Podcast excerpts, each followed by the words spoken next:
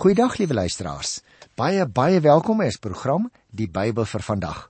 Ons is eintlik besig met hierdie stuk geskiedenis van hoe dat Dawid koning geword het en ons het nou gehoor hoe hy aanvanklik in Hebron gesalf is as koning en hoe dat terselfdertyd aan die ander kant 'n leeroowerste van koning Saul, die vorige koning wat op daardie stadium pas gesterf het op Geboa, gegaan het en hy het iemand anders uitgeroep as koning, naamlik een van Saul se seuns, naamlik Isboset. En toe het ons nou in verlede keer se program gesien hoe dat Isboset vermoor is en daarmee het Dawid toe nou uiteindelik seker, wou ek sê, het hy uiteindelik die koning geword oor die hele Israel. Maar terselfdertyd, luisteraars, sal jy onthou ek het vir jou gesê ons kan die boek 2 Samuel in 4 groot afdelings indeel. So ons het nou verlede keer klaar gemaak met die afdeling wat gehandel het oor Dawid koning van Juda. Dit het gehandel vanaf 2 Samuel 1 vers 1 tot 4 vers 12. En nou begin ek vandag met 'n nuwe afdeling by hoofstuk 5. En dit is die tweede groot afdeling in die boek 2 Samuel. En dit handel oor Dawid, koning van Israel. Eers was hy koning van Juda, net 'n klein stamgebied, en nou word hy koning van die hele Israeliete met antwoorde van al 12 die stamme. En daardie verhaal kry ons van Hosea 5 vers 1 tot 10 vers 19. Ek gaan vandag net 'n gedeelte doen, naamlik 2 Samuel 5, want uh, dis natuurlik uit die aard van die saak onmoontlik om meer te doen as dit. Oorsigtelik sou ek miskien net enkele opmerkings wou maak deur te sê leierloos gelaat so sou ek die situasie in in die noordelike stamme uh van die land destyds wou beskryf. Leierloos gelaat het die noordelike stamme Dawid nou genader om koning oor hulle te word. Jy sien hier gebeur nou 'n baie interessante ding. Dit is presies waarna Dawid gesoek het. Dat ook die noordelike stamme, dit wil sê nie die stam van Juda nie, want dit was in die suide, dat ook die noordelike stamme hulle onderdanigheid aan hom sou betoon. En nou het die situasie so ontwikkel dat die man wat oor hulle gesalf is daar in die noorde, naamlik Isboset vermoor is, en nou kom hulle as dit ware uit hulle eie beweging en hulle vra of hy nie asseblief ook oor hulle sal koning wees nie. So kom ek lees die eerste 3 verse. Hierna het al die Israelitiese stamme na Dawid toe in Hebron gegaan en gesê: "Ons is tog almal u eie mense. In die tyd toe Saul koning was, was u tog maar eintlik die een wat Israel in die oorlog aangevoer het. Die Here het vir u gesê, jy moet vir my volk Israel herder wees. Ja, jy moet heerser oor Israel wees. So het al die leiers van Israel by die koning in Hebron gekom. Toe het koning Dawid in Hebron in teenwoordigheid van die Here 'n verdrag met hulle gesluit. Is dit nie pragtig nie? Hy doen dit op sy eie nie, in teenwoordigheid van die Here 'n verdrag met hulle gesluit. Op hulle beurt het hulle vir Dawid daar tot koning oor Israel gesalf. En nou wil ek so 'n bietjie daaroor gesels, liewe luisteraar. Wat lees hier in hierdie eerste 3 verse 'n hele klompie interessante dinge. Het jy opgelet? Die stamleiers van Israel, dis nou daai ouens uit die noorde, voer die volgende redes aan vir hulle toenadering tot Dawid. Nommer 1: Die noue verwantskap met Dawid. Hulle sê dis vir ons baie belangrik. Tweedens: Dawid se militêre rekord, want hulle het geweet hy het hulle vroeër aangevoer terwyl Saul die koning was, het Dawid hulle aangevoer en nou kom hulle, want hulle ken sy militêre rekord. En die derde belangrike rede dink ek, die Here het Dawid as koning aangewys. Hy het hom nie self as koning verklaar nie en daarom het ons nou gelees word 'n verdrag gesluit om die ooreenkoms te bekragtig.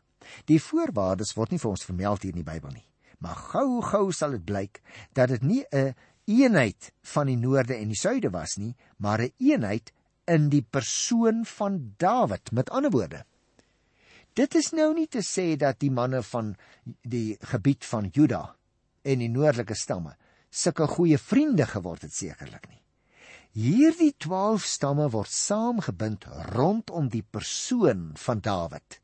Ek wil miskien net tussen hakies vir jou op 'n parallel wys. Het jy al ooit gedink aan die 12 disippels van die Here Jesus? Hulle kom uit verskillende agtergronde, die meeste is wel vissers, maar hulle persoonlikhede verskil radikaal. Daar was selfs 'n seloot onder hulle, Simon die seloot, onthou jy? Hoe is dit moontlik dat hulle bymekaar gebly het? nie oor hulle politieke of selfs oor hulle godsdienstige oortuigings nie hoor. Hulle het bymekaar gebly omdat hulle aan die Here Jesus verbonde was.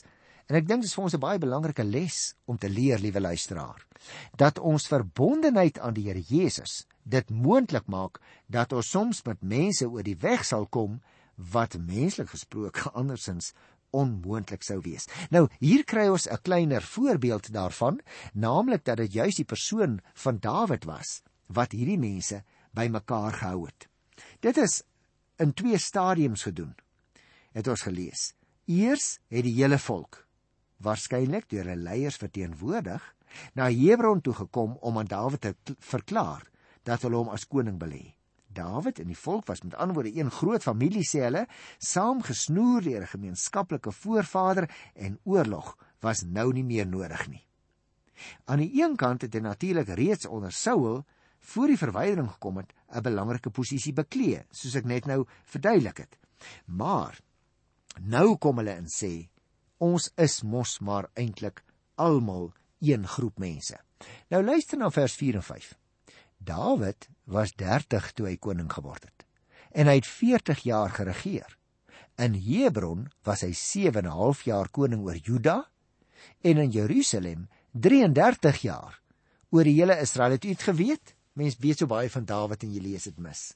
Daar in die eerste gebied waar hy net koning oor die provinsie en die stam van Juda was, toe was hy koning in Hebron vir 7 jaar.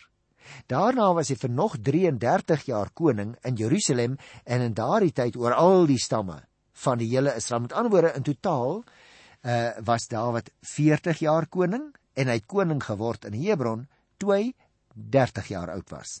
So hy was uiteindelik 70 jaar oud toe hy gesterf het. Maar nou haas ek my eintlik liewe luisteraar om uh by die volgende afdeling te kom. Jy sal sien in die Bybel die opskrif is Dawid verower Jerusalem. En dit is 'n baie baie stukkie belangrike inligting en geskiedenis wat ons nou hier lees. Ter inleiding wil ek sê jy moet nou ook oplet na wat ek sou wou noem politieke maatreëls wat nou getref gaan word. Want Dawid se eerste taak na die burgeroorlog was die skepping van 'n politieke eenheid. Was nie net 'n geloofsgemeenskap nie.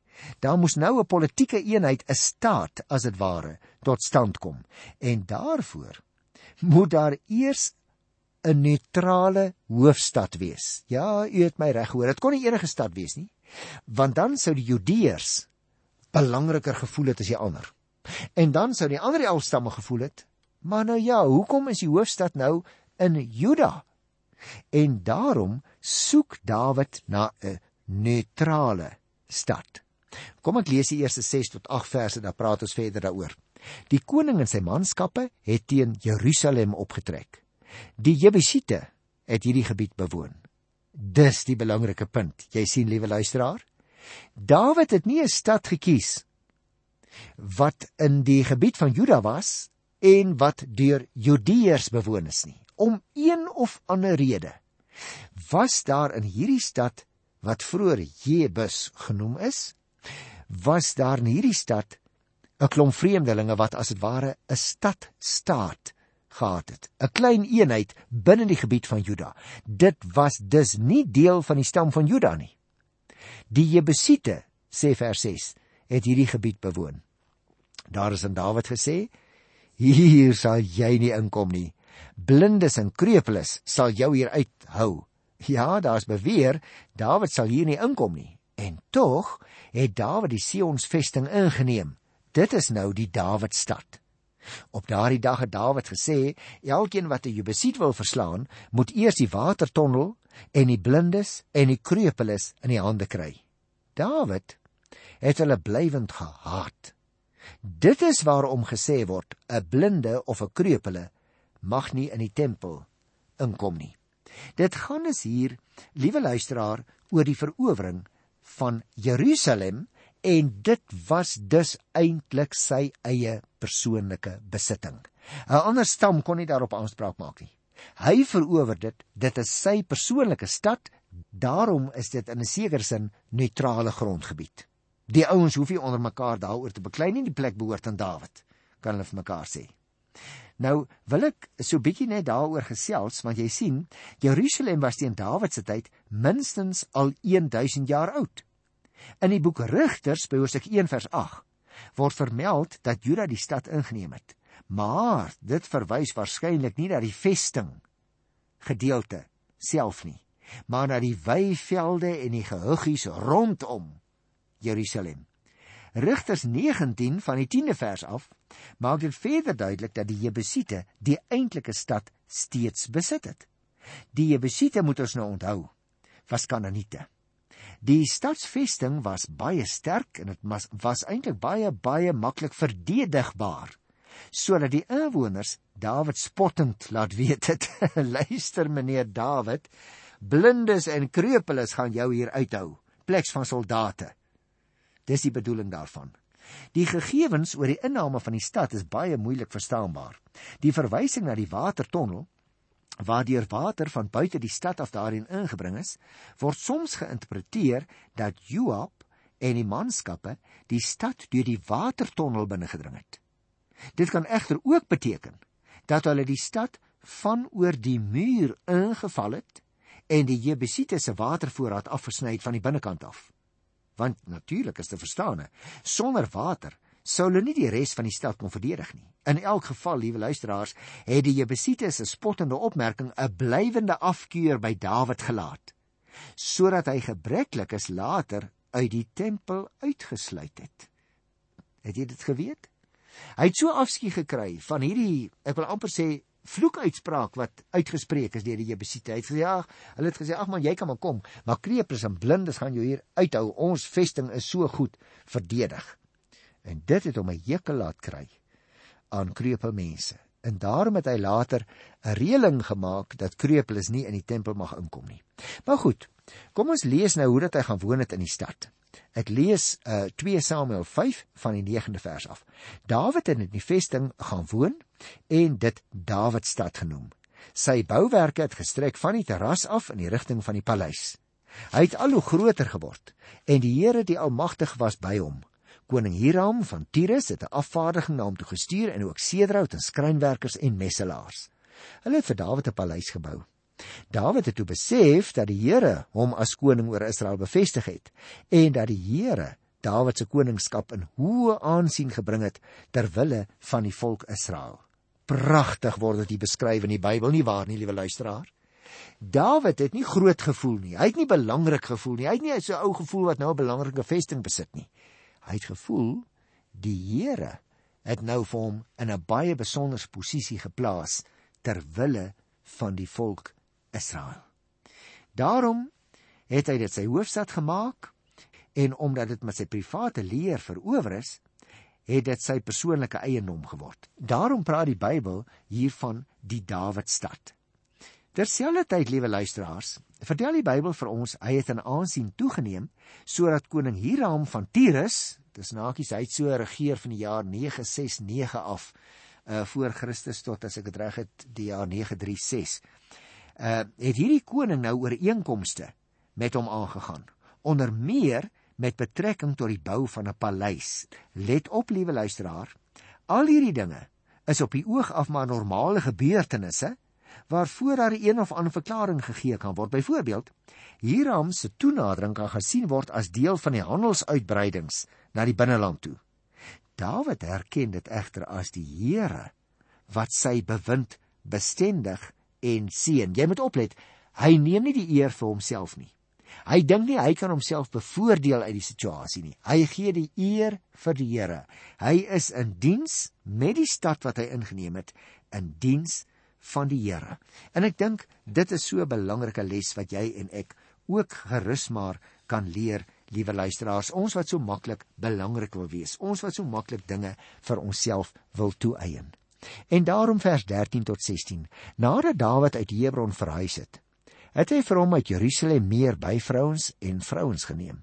Daar is toe vir hom nog seuns en dogters gebore. Dit is die name van sy kinders wat in Jerusalem gebore is en dan kry ons al die name daar. Nou luisteraar, dit mag dalk vir jou ook nou baie vreemd klink, né? Hierdie byvrouens wat hy dadelik vir hom neem. Maar weer eens, jy moet die kultuur, historiese situasie waarin die gebeurtenis afspeel in gedagte hou.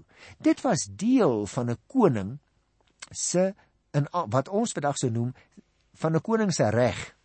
En daarom doen Dawid dit. Dit bevestig ook in die oë van omwonende volkere sy posisie en sy mag.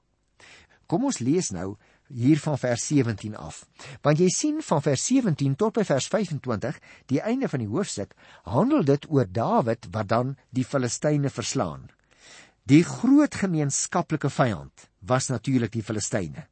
En dit is vir hulle wat Dawid baie graag wou verdrywe. Want jy moet onthou, hy het nog sy verhouding wat hy verder moet uitbou, nie net met die Judeërs nie, maar veral met die noordelike stamme. En daarom die verowering van Jerusalem laat nou die Filistyne besluit om Dawid aan te val. 'n Mens kan dit baie goed verstaan. En hulle kies die spooklaagte suidwes van Jerusalem om Dawid af te sny van die noordelike stamme af. Want as dit daarin kan slaag, dan is hy maar net weer 'n ou koningkie oor een enkele stam naamlik Juda. Kom ons lees so 'n stukkie daarvan hier van vers 17 af. Toe die Filistyne verneem dat Dawid tot koning oor Israel gesalf is, het hulle almal teen hom opgetrek. Dawid het te hore gekom en op 'n strategiese plek gaan stelling inneem. Die Filistyne het gekom en die spooklaagte binne geval. Dawid het die Here geraadpleeg. Wonderlik. En gevra: "Moet ek teen die Filistyne opruk?" sien jy broer en suster, jy en ek sou gesê het, "O, nou ons moet hierdie nuwe woonplek wat ons het, ons moet dit nou beskerm." Dawid vra vir die Here: "Moet ek teen die Filistyne opruk? Sal U hulle in my mag oorgee?" Die Here het hom geantwoord: "Ja, trek op, want ek gee hulle beslis aan jou oor." Nou, dit is wonderlike woorde wat hier staan, liewe luisteraar, want ek dink ons moet 'n paar dinge opmerk. Die verowering van Jerusalem is die ding wat die Filistyne laat besluit. Nou moet ons Dawid aanval. Nadat hy nou die Here geraadpleeg het, waarskynlik deur die Urim en die Tumim, ek het dit al vir u verduidelik, dit was as dit ware soos steentjies wat uh, die hoë priester uh in sy bors sak gedra het en dit is gewerp en dan het hulle die antwoord van die Here daaruit afgelees. So nadat hy nou die Here geraadpleeg het, val Dawid hulle aan en hy die Filistyne verslaan sodat hulle op vlug was en dat hulle selfs hulle afgodsbeelde agtergelaat het. En daarmee is die teenhanger van die slag by Afek geskep. Kom ons lees dit verder. Dawid het toe deur 'n groot kloof getrek en hy het hulle verslaan. Hy het gesê: "Die Here het my vyand voor my gekloof soos water 'n wal kloof." Daarom het hy die plek Groot Kloof genoem. Die Filistyne het selfs hulle afgodsbeelde net daar gelos en Dawid en sy manskap het dit opgetel. Toe die Filistyne weer opruk en die spooklaagte binneval, het Dawid die Here geraadpleeg. Is dit nie fantasties wonderlik nie hoe dat hy elke keer die Here raadpleeg? Nou sê vers 22: Toe die Filistyne weer opruk en die spooklaagte binneval, het Dawid die Here geraadpleeg. En die Here het gesê: Moenie optrek nie. Draai na hulle agterhoede toe. Val hulle aan reg oor die melkbosse. Wanneer jy geritsel in die toppe van die melkbosse hoor, moet jy blitsig aanval, want dan trek die Here voor jou uit om die kamp van die Filistyne te tref. Dawid het gemaak soos die Here gesê het en die Filistyne van Geba af tot by die ingang van Geser verslaan. Wat 'n wonderlike verhaal want liewe broer en suster as mense mooi daarna kyk dan lyk dit vir my nadat eers nadat Dawid 'n gunstige antwoord van die Here gekry daar in die 20ste vers trek hy teen die Filistyne op deur 'n bergpas wat van die suide af aan die ooste kant van die spooklaagte toegang tot die vallei verskaf het en so het Dawid dus van hoër grond af die vallei ingestorm die Filistyne verras en hulle verslaan sê daardie 20ste vers. En hierna is die pas vernoem om die gebeurtenis te herdenk. Let op, Dawid gee aan die Here die eer van die oorwinning. Want dit is die Here wat vir hom dit gegee het. Hy noem dit die groot kloof. want dit is waar die groot oorwinning aan hom gegee is. Interessant ook in vers 21 wil ek net opmerk die Filistynse afgodsbeelde uh wat hulle sommer net daar gelos het en agtergelaat het. Dit is as dit ware dieselfde wat gebeur het met die ark. Onthou jy dit daar in 1 Samuel 4 vers 11. Uh toe die ark deur die Filistyne verower is, het hulle dit weggeneem. Later sou Dawid dit laat haal en uiteindelik sou hy dit terugbring uh hier na Jerusalem toe. Die Filistyne het jy gesien in die gedeelte wat ek gelees het, het 'n tweede keer aangeval. Maar na 'n raadslaging met die Here het Dawid gewag vir die Here se teken. 'n Geluid in die toppe van die bosse en toe het hy hulle van agter aangeval en hierdie keer het hy hulle uit die land verjaag lees ons hier nou ek wil net daarop wys liewe luisteraar dat hulle gevlug het maar ons lees wel later dat daar nog 'n paar Filistyne in die land oorgebly het daarom is dit my interessant as ons na vers 22 kyk toe die Filistyne weer opruk dat ons daaruit dus die afleiding kan maak dat hulle nie beslissend verslaan is die eerste keer nie. Sodat die Filistyne na 'n tyd nou met 'n tweede veldtog gekom het. Nou sommige Bybelverklaarders meen dat hierdie veldtog na die inname van Jerusalem plaasvind het. Maar dit was uh, waarskynlik sou ek sê liewe luisteraar eerder kort na die eerste veldtog en voor die inname van Jerusalem. Met ander woorde, teen die tyd dat Dawid Jerusalem verower het, was die Filistyne reeds verslaan. Die 23ste vers, ek het toe ook daarop gewys toe ek dit gelees het, vertel vir ons hoe dat Dawid die Here geraadpleeg het, maar hierdie keer word hy beveel om hulle nie direk in die spooklaagte aan te val nie, maar om die agterhoede vanuit 'n hinderlaag aan te val. En die hinderlaag was verder wes in die vallei opgestel as die vorige as die vorige aanval. Ek wil dus afsluit, uh, liewe luisteraars, met vers 24 en dan net 'n kort opsomming maak. In vers 24 uh, en 25 lees ons dan: Wanneer jy 'n geritsel in die toppe van die melkbosse hoor, moet jy blitsvinnig aanval. Het jy opgemerk? Dit beteken die Here sou self die teken vir die aanval gee. Dis so anders as jy en ek. Ons wil nie wag tot die Here vir ons duidelik laat verstaan ons nou ding doen nie. Ons storm som, soms sommer net in en dan verbrou ons se ding. Die melkbosse tussen hakies was die digte struike waar agter Dawid se soldate kon skuil totdat hulle die teken kry. Met ander woorde is half onsigbaar vir die vyand en dan skielik kan hulle aanval. As 'n slotopmerking sou ek net so kort 'n opsommingkie wil gee. Want jy sien twee dinge val my op by die weergawe van hierdie twee veldslae. Die eerste ding is dit: daar word baie min gesê van Dawid en van sy troepe en van hulle heldedade. Daarteenoor word baie aandag gegee aan die Here en sy rol in die hele situasie. Met ander woorde, die Bybelskrywer laat die klem en die fokus nie val op Dawid nie, maar dat dit die Here is wat eintlik die ding gedoen het. Die tweede opmerking wat ek net wil maak is dit: die gevegte word telkens in 'n bepaalde vorm vertel. 'n Beskrywing van die strydende magte, dan die raadpleging van die Here, dan die verslag van die geveg en dan die vierde aspek wat gewoonlik volg is die gevolge van die veldslag. En op hierdie manier luisteraar word God se rol in die bestendiging van Dawid se regering beklemtoon. As ek dit mag saamvat in een of twee sinne, dan sou ek wou sê die aandag van die sukses val deurgaans op die Here. Is dit in jou lewe ook so? Die suksesse wat jy en ek behaal, gee ons die eer daarvan aan die Here? En die tweede wat ek uh, net wil opmerk is Dawid wat die rolspeler is kry nie die aandag nie. Hy wys elke keer in sy voorbeeld hoe jy en ek as gelowige ook behoort te lewe. In afhanklikheid en in vertroue op die Here. Ek groet jou in die naam van ons wonderlike koning tot volgende keer. Tot dan. Totsiens.